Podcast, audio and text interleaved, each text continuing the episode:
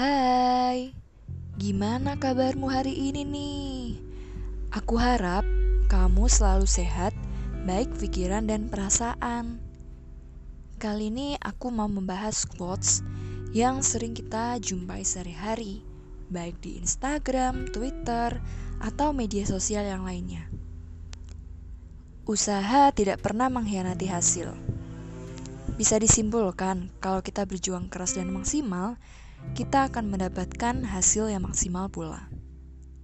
Banyak dalam hidup ini yang kita perjuangkan tentang mimpi, cita-cita, mempunyai lingkaran sosial yang banyak, mempunyai networking, dan lain-lain.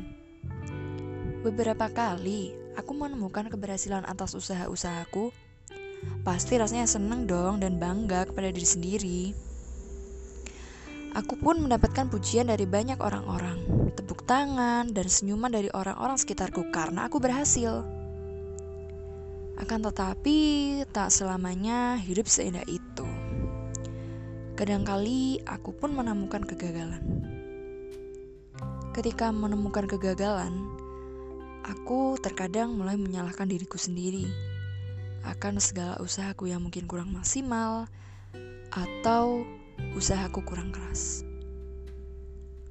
Lalu akhirnya beberapa orang memberikan belas kasihan kepadaku karena kegagalan yang aku alami. Dan mungkinnya lebih parah lagi, terkadang ada beberapa orang yang malah menghinaku. Aku akhirnya berpikir, apakah quotes tentang usaha tidak pernah mengkhianati hasil itu benar? Dari berbagai macam pengalaman yang pernah aku alami, aku rasa semua orang pasti dengan mudah melalui kesuksesan.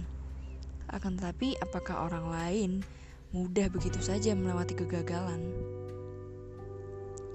Aku akan men-share sebuah pengalaman diriku sendiri. Misal, aku dulu punya sahabat perempuan.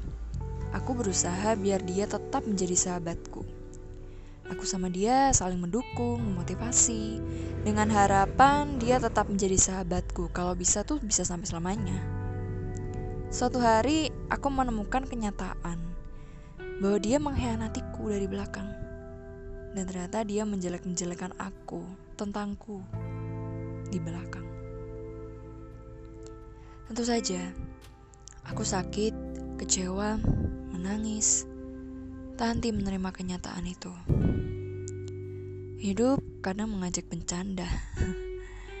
Ternyata semua kebersamaan atau usaha untuk menjadi sahabat yang terbaik tidak mendapatkan hasil yang terbaik pula. Itu karena akan kecewa berharap bahwa dia bakal baik karena kita berbuat baik.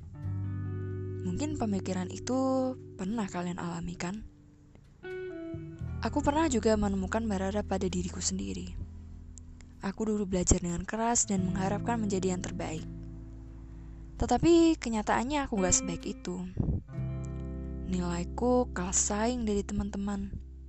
Aku merasa gagal. Aku protes dengan keadaan. Mengapa bisa begini? Bisa saja kan teman yang lain tidak berusaha dengan keras dalam belajar? Atau bisa saja mencontek, tapi malah mendapatkan nilai yang bagus. Sedangkan ketika aku jujur malah nilaiku malah jelek. Aku pun menyalahkan diri sendiri yang tidak cukup berarti, tidak cukup pandai, dan segala kata-kata omongan pedas yang kutunjukkan kepada diri sendiri. Aku waktu itu berpikir usahaku tidak selalu mengkhianati hasil. Lebih tepatnya, usaha akan mengkhianatinya. Jauh setelah aku bergelut dengan pengalaman lain yang menyuguhkan rasa sedih, amarah, kecewa, entah terhadap diri sendiri atau orang lain. Aku pernah berpikir ingin terlihat kuat di mata orang lain di saat aku gagal. Rasanya ada gak enak malah, ada dua beban yang satunya, tidak jujur sama yang kurasakan, dan menjadi pribadi bermuka dua. Aku akhirnya menyadari Bila saatnya aku ingin menangis, maka aku harus menangis.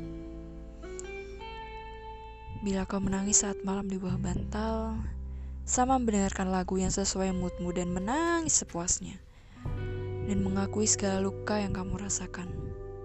Itu bukanlah sebuah kesalahan. Orang terkadang mengajarkan pura-pura kuat dengan kalimat yang gak sering kita sadari. Eh, kamu jangan nangis dong. Aku aja pernah ngalamin itu bisa. Eh, jangan nangis dong, cengeng ya. Kayak gitu aja gak kuat. Kata-kata pedas itu sering kali kita dengar. Dari ini aku mau membuat kalian menyadari bahwa belajarlah buat memahami bahwa terkadang orang enggak membutuhkan solusi, hanya ingin didengarkan. Aku menyadari bahwa kegagalan mengajarkan banyak hal. Pertama, tak apa untuk sekali-kali terjatuh, menangis, dan kecewa. Saat aku terjatuh, aku belajar untuk bangkit lagi. Saat aku menangis, aku belajar untuk bagaimana menenangkan diriku sendiri. Menurut quotes ala-ala aku, seperti ini. Usaha terkadang menemukan kegagalan. Yang berbeda bila tidak kita lelah berusaha. Walaupun kegagalan yang kita alami, kita harus berusaha lagi. Mungkin dari kegagalan itu Tuhan mengajarkan banyak hal. Bisa jadi dengan kamu yang pernah gagal, kamu gak meremehkan orang lain yang mengalami kegagalan. Bisa jadi dengan kamu yang pernah gagal, kamu bisa mudah merasakan empati atau perasaan orang lain.